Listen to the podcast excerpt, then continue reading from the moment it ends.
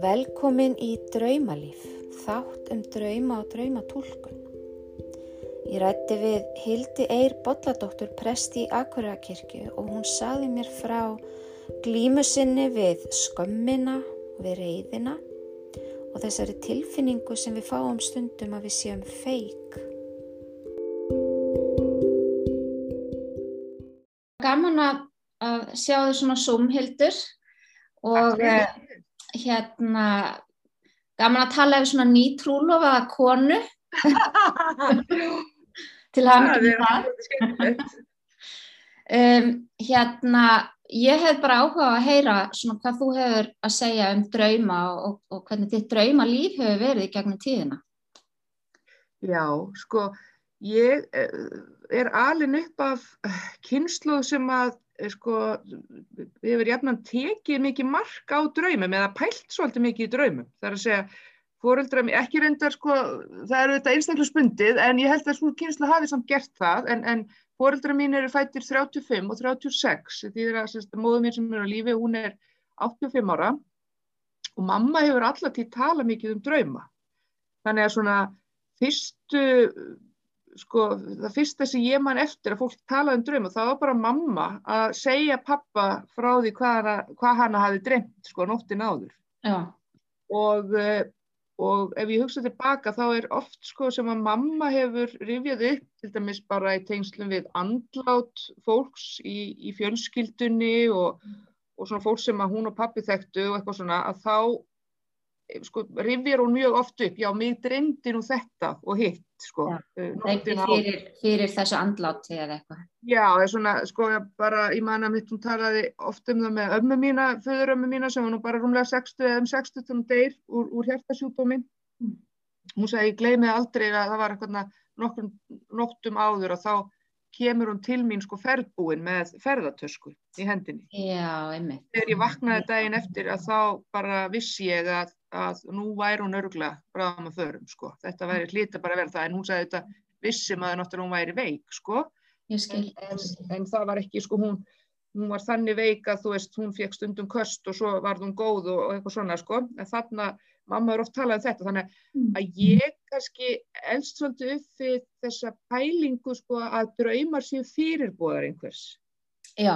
En, en sjálf hef ég sko svo bara sko síðar meir með sjálfur mér og mínum pælingum svona hallast meira því sem að ég held að það verið fröyd sko sem talaði um að þarna væri maður að fást við eitthvað í undir meðutund sinni og líðan sko miklu frekar heldur en að draumar sé eitthvað sko einhverju spátumar. Mér fannst oft mamma kannski og, og svona fólk að hennar kynslu tala meira um drauma sem einhvers konar spátum og ég veit til dæmis eins og uh, tengdamamma sem er á týraðisaldri sko, hana dreymir fyrir því að konur verði óléttar sko, eitthvað svona. Já, sko. já, jú, jú. Ég upplifi sko drauma meira að þeir geti sagt mér talsvört um bara sko raunverulega oft hvernig mér líður um hlutina sko sko innst inni þó ég sé ekki búin að gera það upp fyrir mig sko í, í vöku. Já, þannig að undir meðutundin segir þér í rauninni uh, það sem að hún veit áður en að þú veist, að þú veist það. Já, áður en að ég veit, ég veit að ég veit á gengst sko kannski við því sko. Þannig hef ég upplifað mitt draumalíf í gegnum tíðan og þess vegna finnst mér það sko mjög mikilvægt. Mm. finnst draumarnir mínir mjög mikilvægir vegna þess að, að mér finnst þeir oft vera svona einhvern veginn hvað maður að segja, þú veist einhver svona vendarjabel sem segir manni, sko, heyrðu, nú þarfst að staldra við, sko. Mm -hmm. þetta er í gangi og þú þarfst að takast á við það mm. getur ekki bara haldið svona áfram Áttu einhverja drauma sem að þú mannst eftir sem að hafa svona verið uh, á þessum tóga? Já það er einn draumur sem hefur fyllt mér nefnilega taldið sko, og hann er ymmit, sko, hann er ekki hann er, hann er ekkert eitthvað svona glæsilegur að segja frá eða, eða magnþrungin nefnilega sko. En hann hefur fyllt mér taldið í gegnum tíðina og sko lengi vel vissi ég ekki af hverju mér var að dreyma þetta. Mm -hmm. en núna sko veit ég alltaf svolítið, já nú er ég sko að fást við sko, skömmina og, og, og meiri kvíða og, og depurð og eitthvað svoleiðis, þess vegna er þessi draumur komin aftur sko. Og það er draumurinn um það að sko vera einhver stað bara innan um fólk á einhverjum bara ofnbjörnum stað eða eitthvað og Mhm. setjast á klósett Já, bara innan um fólk og Já. bara hafa já, já, og bara, og bara vera fástu það og vera ógslag lengi að því og bara geta ekki drifið mig skilur Nei, og sitja þarna og hugsa af hverju óskopunum settist ég hérna fyrir framann alla? Já, og af hverju er ég gert það og af hverju fór ég ekki heim eða fór einhver staðar í var og gerði þetta einhver staðar annar staðar og, og bara upplifið svona óstjórnlega sko, skömm og niðurlæging aha, akkurat.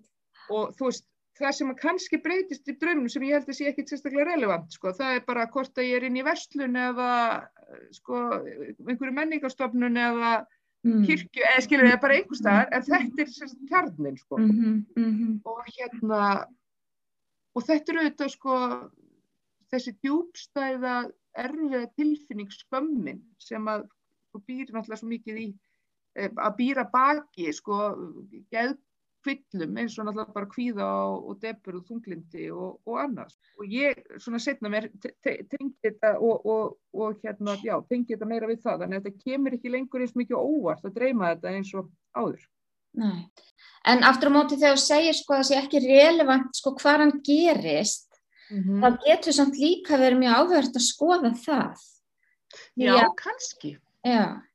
Ég dæmis einmitt síðast þegar við dreymdi þetta þá dreymdi mig að ég var inn í húsgagnaverslu og þar er bara, sest ég bara á klósett í miðri húsgagnaverslu Já, akkurat. Já. En finnst þér, sko, hvernig bregstu við þessum draumum þegar þeir koma? Hvað gerir þau? uh, sko ég verður alltaf bara, hef alltaf verið opbáslega fegin sko að vakna upp úr upp úr sko þessum draumi uh, en sko mig dreymir ekkit mjög samt oft kannski bylunni svona hræðilega drauma þar sem að þú veist, ég er að missa barnið mitt eða, eða svona þar sem að er sko, þar sem ég vakna upp og bara, þú veist, bara guðum minn góður, þú veist, það er ekkit, ekkit mjög oft, það er miklu frekar tengt svona, sko, vannlíðan bara með sjálfa mig, sko, veginn. það er, það er miklu ekki, þess að mér hefur oft dreymt líka, veist, þennan draum, sko, að, að vera að fara inn í aðtöp, sko, sem prestur. Og ég, hérna, ég kem, ég bara, ég, ég er alltaf sein og ég er að klæða mig í skrúðan og ég bara kemst ekki í hann rétt, þú veist, ég bara, akkur, ég get ekki sett sko hendina inn í ermina og ég flæki allt og ég eigi alveg að vita hvernig ég á að klæða mig í þetta og svo fatt ég að ég er komin inn í aðtöfnina, ég er ekki með ræðuna og þú veist, það er allt og ég er í drömnum að hugsa bara, "Bíddu, en ég á ekki, þú veist, af hverju þetta gerast, ég á að kunna þetta allt saman, Mm. einhvern veginn, sko, ég ég er að það er nú, mér dreymdi þetta meira kannski fyrstu árunum sko, í preska, en, en Já. það getur alveg komið fyrir ennþá og hérna og þegar þú veist, þetta er óþægild alltaf með að á því stendur eins og bara þegar ég vakna upp úr svona drömmu þá er einhvern veginn bara er ég sko meld ég þá bara og þú veist og ég er ekki, þeir valda mér ekki vanlíðan það sem eftir er, er, er dags sko Nei, einmitt. að vísu dreymdi mig sko um daginn reyndar mjög svona, þannig ég var svona opbáslega fegin að vakna og það var örglega einmitt að því ég er búin að gangi gegnum þessi veikindi krabba minni sko Já. að þá dreymdi mig og það er nú svona ég meikaði doldi sens, við erum að tala í góða íslensku að þá dreymdi mig sko að að því ég hafi verið svona meldingafæri, krabba minni meldingafæri og eitthvað svona, allt í enn dreymdi mig að komum, sérst, var greinast með brjóstakrabba og þá í draumnum og ég var bara eitthvað ha, þú veist, og það bara tengdist ekkert og eitthvað. Já. og þá man ég, og ég var bara eitthvað svona nei, ég meik ekki að, þú veist, í gegnum þetta aftur núna og eitthvað svona í draumnum alveg bara, bara ómögulega náttúrulega og bara leið skellulega og þá vaknaði og þá man ég hvað, ég bara svona ó, ég var svo fegin að vakna Já, auðvitað hlýtur þessi ótti við að greinast aftur eða, eða veikjast meira hlýtur að vera einhvern veginn undirliggjandi. Já, og ég hugsaði það bara strax, skilur þegar, þú veist, þannig tólka ég nákvæmlega þennan draum, sko, það var bara svona basic, þú veist, óttin við að lenda aftur í þessu, sko. En finnst þér eftir að þú veiktist að, að draumalífið hafi breyst, finnst þér þig dreyma meira, oftar, skýrari drauma eða um, er þetta bara svona svipað? Já, nei, mér verður ekki streymt neitt sérstaklega mikið, nefnilega. Eiginlega bara, bara mjög lítið, sko, ef, ég fer að pæla svolítið í því, sko. Og, Já, ok. og ekkert mikið, sko, eiginlega enga drauma beinleinis um veikindaferðlið mitt þar sem ég er í einhverju sem ég var í, skiliru, og er að upplifa það aftur. Hmm. En það geta draumarnir náttúrulega sko vist vera um eitthvað allt annað. Já, já, já, það akkurat. alveg bara einhvern veginn eitthvað sem manni finnst alveg út í hött eða út úr kú Mhm. en, en kannski tengjast einhverju sem maður er að glíma við þó að það sé ekki endilega tengt veikindum sem slíkum sko. Nei, Af því að nú kemur sko mjög oft fram í draumum svona, já, svona vísbendingar um líkamlega helsufólk.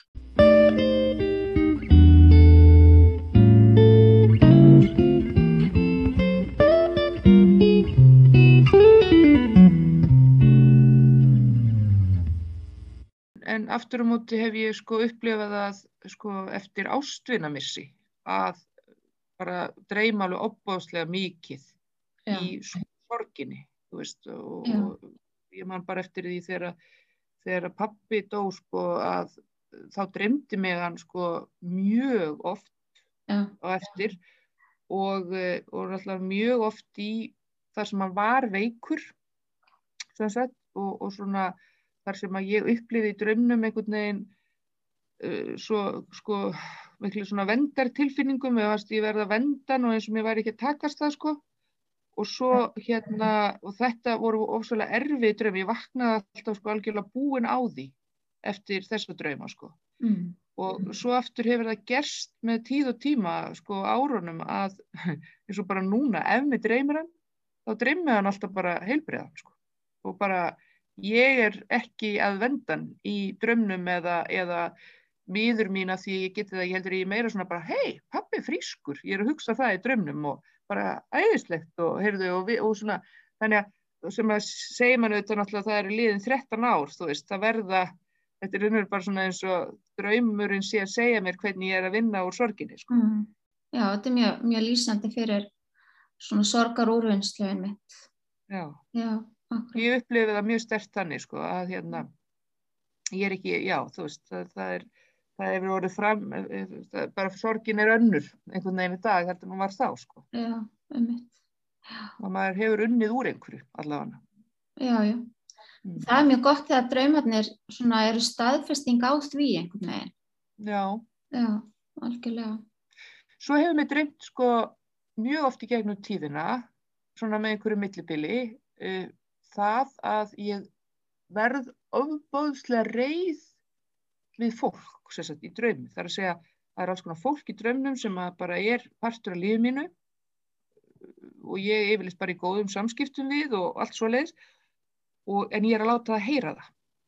Ég er alveg bara, bara í gjörs og þú veist, í draumnum er ég að hugsa, ok, nú verður aldrei neitt eins aftur vegna þess að ég er bara búin að segja allt og bara, bara hvernig mér líður viðkomandi og bara hvað mér finnst um hann og ég er alveg svona, ég er svona fjúriusli, ég er svona brjálæðslega reið og bara lætt fólk gjörsalega heyra það og, og svo bara er ég í drauminu bara, ok, þetta er ég raunuru sko, finnst þetta raunuru fæ smá svona útrás þannig að þetta er vissanátt gott en svo er ég líka miður mín í draumnum fyrir ég átta mig á því að ef ég hefði bara ekki verið reið eða ekki, ef ég hefði þagað þá hefði, þá væri ekki allt breytt í samskipt.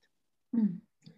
Er þetta, er þetta eitthvað sem þú myndir vilja segja við manneskjuna í vöku eða sem sagt, kannski ekki myndir vilja segja við hana en, en er svona hluti af þínum innra díalóg gagvart viðkomandi? Já, sko, stund, stundum er það, já, stundum er það, sko, eða yfirleitt er það einhverjum parti það, Já, sko, já, það er yfirleitt eitthvað sem að ég hefði, kannski, um, þú veist, og, og hérna, og ég byrja á því og einhvern veginn, og svo bara, kemur bara svona eins og, hérna, eins og bara svona hraun sem vellur fram, fram sko, og eldgósi, sko, það bara, það hættir ekki. Mm.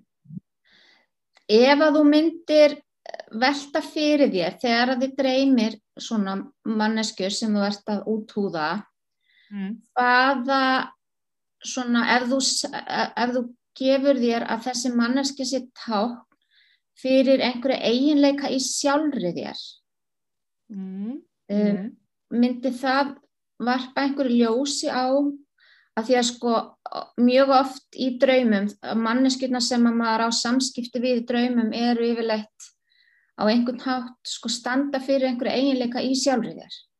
ok, Þannig að í rauninni ertu þá að ávarpa einhverja hluta af þínum eigin persónleika. aha, Það er hægt að tunga þannig. aha. Myndi það, myndi það segja þér eitthvað?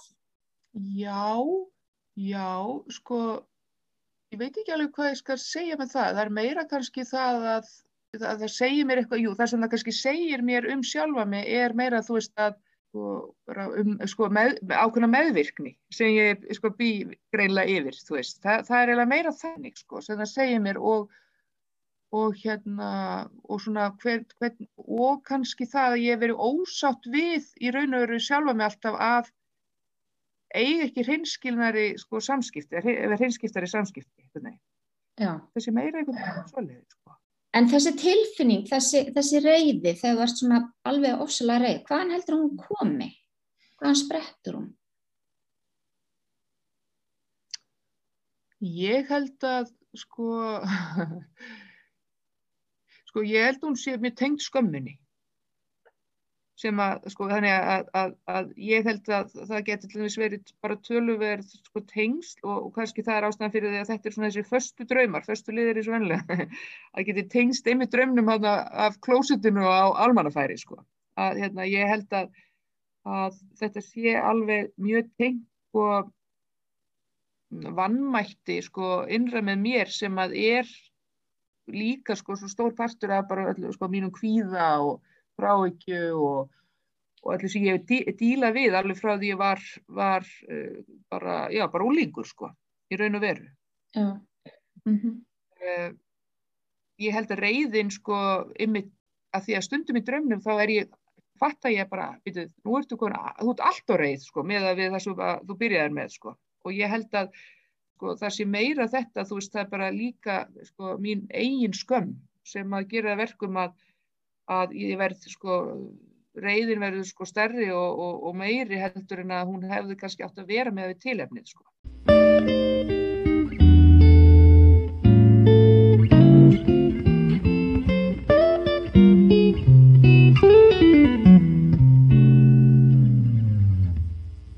Mér finnst áhugaverður þarna draumurinn um prestskrúðan og, og að vera ekki tilbúið með pretikunina Já, og hérna ég held að allir prestar sem ég tala við, þá hefur drengt það að, að vera að fara að jarða og vit ekki hver, hvern þeir eru að fara að jarða eða, eða Já. þeir ekki tilbúinu með líkræðina eða eitthvað slíkt. nei, akkurat. En, en ég hef engan heyrt tala um það að hann komist ekki í skrúðan, mér finnst það mjög áhugavert. Flækist í honum. Já, veginn, sko. flækist Já. í skrúðan. Já, Svona eh, við fyrstu sín myndi ég tengja mjög stert við það að svona kannski þessa tilfinningu um, ég passa ekki alveg í fötin mín, ég passa ekki alveg í þetta hlutverk eða, eða ég á erfitt með að klæða mig í þetta hlutverk sem að, að, að prests embættið er, að preststarfið er. Heyrðu, mjög góður punktur, af því að máli er það að mér dreymdi þetta miklu meira áður fyrr. Og þá var ég ofta að díla við í raun og veru svolítið þá tilfinningu. Mm að finnast sko stundum einhvern veginn, ég pass ekki inn í ég, ég, ég vissi nákvæmlega hvað ég átt að gera og ég var ekki kvíðin eða stressuð að framkvæma hlutina. En ég man oft lengi, sko bara fyrstu árin mér í presko til dæmis leiði mér oft svona sko eins og bara í messu bara þessum hefðbundnu sunnudaskuðstunum sem er bara svona einhvern veginn eins og ég mér finnst ekki alveg passa inn í þetta sko, þú veist, bara tengdi ekki alveg við þetta sko, hvernig ég ætti að vera í þessu, mér fannst ég bara ég ætti verið að gera eitthvað annað en, en, en samt verið ég að gera þetta og vissi hvernig ég ætti að gera þetta, mjög skrítið þannig að þá dreymdi mér miklu oftar en draum. Mér dreymir hann eða það er á langt síðan með þetta. -hmm. og ég held að sé pínlítið, þú veist, mér líður miklu meira eins og ég passi í dag og, og kvíli miklu betur sko bara sko bara nýt þess betur að vera prestur ég held að þessi í raun og veru það, ég naut þess í raun og veru ekki sjálf svo mikið, ég vildi gera vel og ég vildi sko hafi metnað en ég kannski var ekki að njóta þess að bara vera í, vera prestur sko sem lífstíl, einhvern veginn. Er þetta ekki bara þetta impostorsinn og þessi tilfinninga að þér finnst, sko, hvað er ég eiginlega að gera hérna? Ég, mér Já. finnst ég bara að vera eitthvað feik og mér finnst ég ekki vera einhvern veginn passa í þetta hlutverk. Nei og það var ekki þannig sko, að, jú, akkurat að sé máli og það var nefnilega ekki út af því að þú veist, ég hugsaði allir aðrir, þú veist, prestar geta þetta en ekki ég, það var ekki veginn svoleiðis, það var ekki sko vannmátturinn að geta þetta ekki, ég vissi alveg ég hefði alveg styrkleika og hæfileika, það var bara mér leið eins og ég væri feik, einhvern veginn. Já, ég geti líka verið þetta tengt því svolítið að farin í þetta starf svona ungur, þú veist, 26-7 ára eða eitthvað, þú veist, ég man ekki hvað ég var 27 ára eða eitthvað, að ég held að sé líka, veist, þetta er svo mikið sko, þetta er svo mikið fullorðinstarf, einhvern veginn, skilur þú veist, þú ert allt í einu orðin eitthvað svo fullorðin þegar þú verður prestur, skilur og þér finnst þú eitthvað pínlítið þurfa að verða svolítið svona, þú vilt ekki vera stelpuprestur, skilur eða, eða, eða strákaprestur. Og, og fólk leitar þín á öllum aldri og einhvern veginn sko og, og, og, og falast jafnvel svolítið eftir visku frá þér sko og, og þá kannski upplöfum maður bara býtu ef ég einhverja visku 27 ára, skilur þig og ég held að það sé örugglega lí- það hafi verið pínlítið svona imposter syndromi sem ég var að fást við bara, heyrðu, ég bara fýblið hildur, skilur, ég er bara nýbúið með mentaskóla og hérna, mér langar bara að djamma, sko.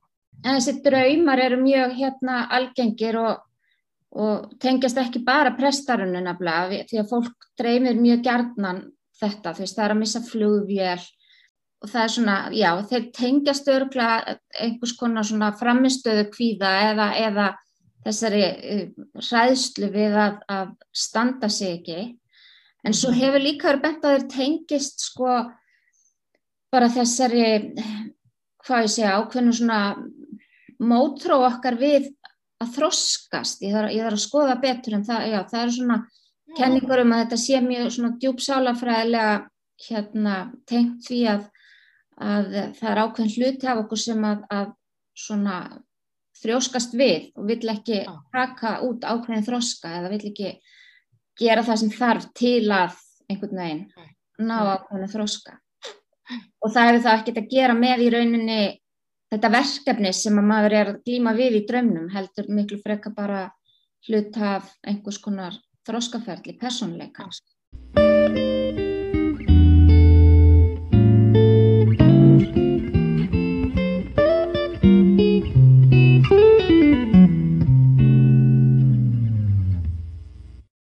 Búið að vera mjög áhugavert og skemmtilegt. Finnst þér þú eitthvað hafa tekið með þér? Já, já, mér fannst mjög magna þegar hérna, að- ég gerði nefnilega sko, þetta með, með þroskan held ég að ég tengi svolítið við sko, að því að, að hérna sko þessi, þessi hérna einhvern veginn þessar, þetta og tengið svolítið, þú veist, starfinu sko og, og þessum þessum draumum að, að passa ekki í, í hérna skrúðan sko, það er þetta þetta misræmi og fyndið að þetta líkur svo bara beint við en ég hafði ekki hugsað þetta þegar þú sagði þetta með að, að finna þessi ekki passin í hlutverkið að, að þá bara allt í það já, fekk ég svona uppljómun sko, já, mér dreymdi þetta svo miklu miklu meira áður, þú veist. Og svo er það líka þá með, með reyðina með reyðidraumana að uh, það er svolítið merkild að ég hef náttúrulega gengið gegnum tölvöld, erfið ár svona síðustu þrjú, fjóra árin hafa verið mér hafa verið mjög erfið. En þá er svo merkild að mig hefur ekki verið að dreyma þessa reyðidrauma ég hef ekki verið að dreyma að ég hef verið að láta fólk sko og brjálast og eitthvað svona.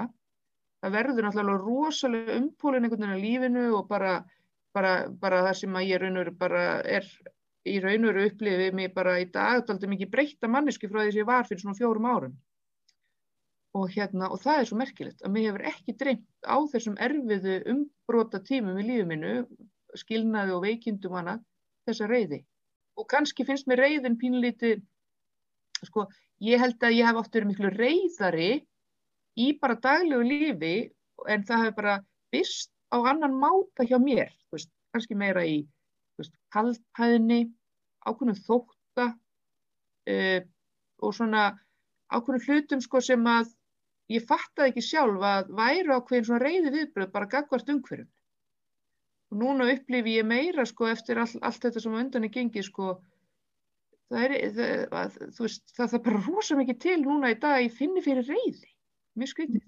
Þannig að þú hefur í rauninu kannski með þessum breytingum í lífiðinu losað um ákveðina svona hluti í, í sálarlífinu og, og einhvern veginn uh, fengið, Já, já, uh, já, losaði við til dæmis reyðina af einhverju leiti.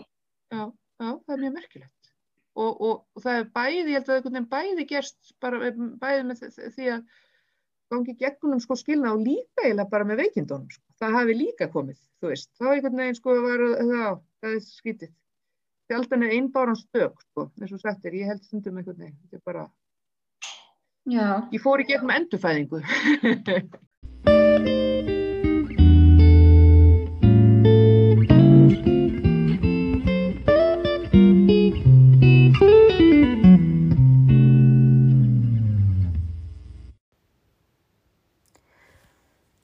hafa hægðir á almannafæri tengist tilfinningunni fyrir því að vera berskjölduð en um leið þörfinni fyrir að losna við eitthvað sem veldur skömmið og ógeði.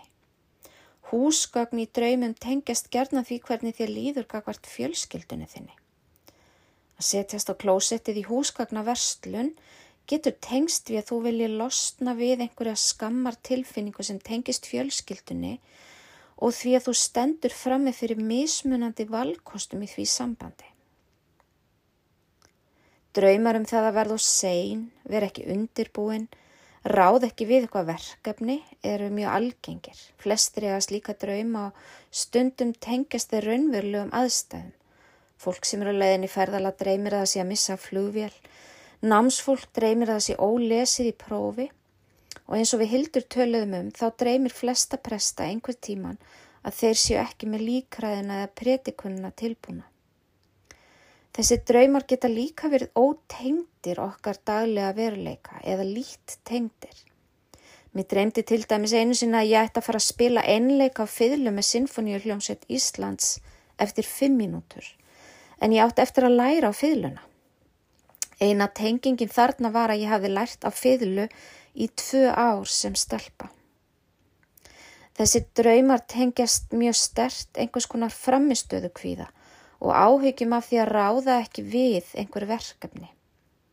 Oft er hægt að bein tengja þá við eitthvað slíkt eins og í drauminum hennar Hildar þar sem hún á erfitt með að tengja sjálfsmýnt sína við hugmyndina og veruleikan sem fælst í því að vera prestur. En þessir draumar geta líka verið ákveðið ákall undir meðutundarinnar um að það sé tímabært að taka þroskaskref. Undir meðutundin vil hrista upp í þér, benda þér á að þú sért að missa af einhverjum tækifærum, að þú þurfir að beit, breytast á einhvern hátt. Ef þið dreymir einhvers konar svona draum, þá er mjög gott að skoða. Gæti verið að ég þurfi að breyta einhverju, að ég þurfi að skoða þroska minna á einhvern hátt og gera kannski eitthvað í því.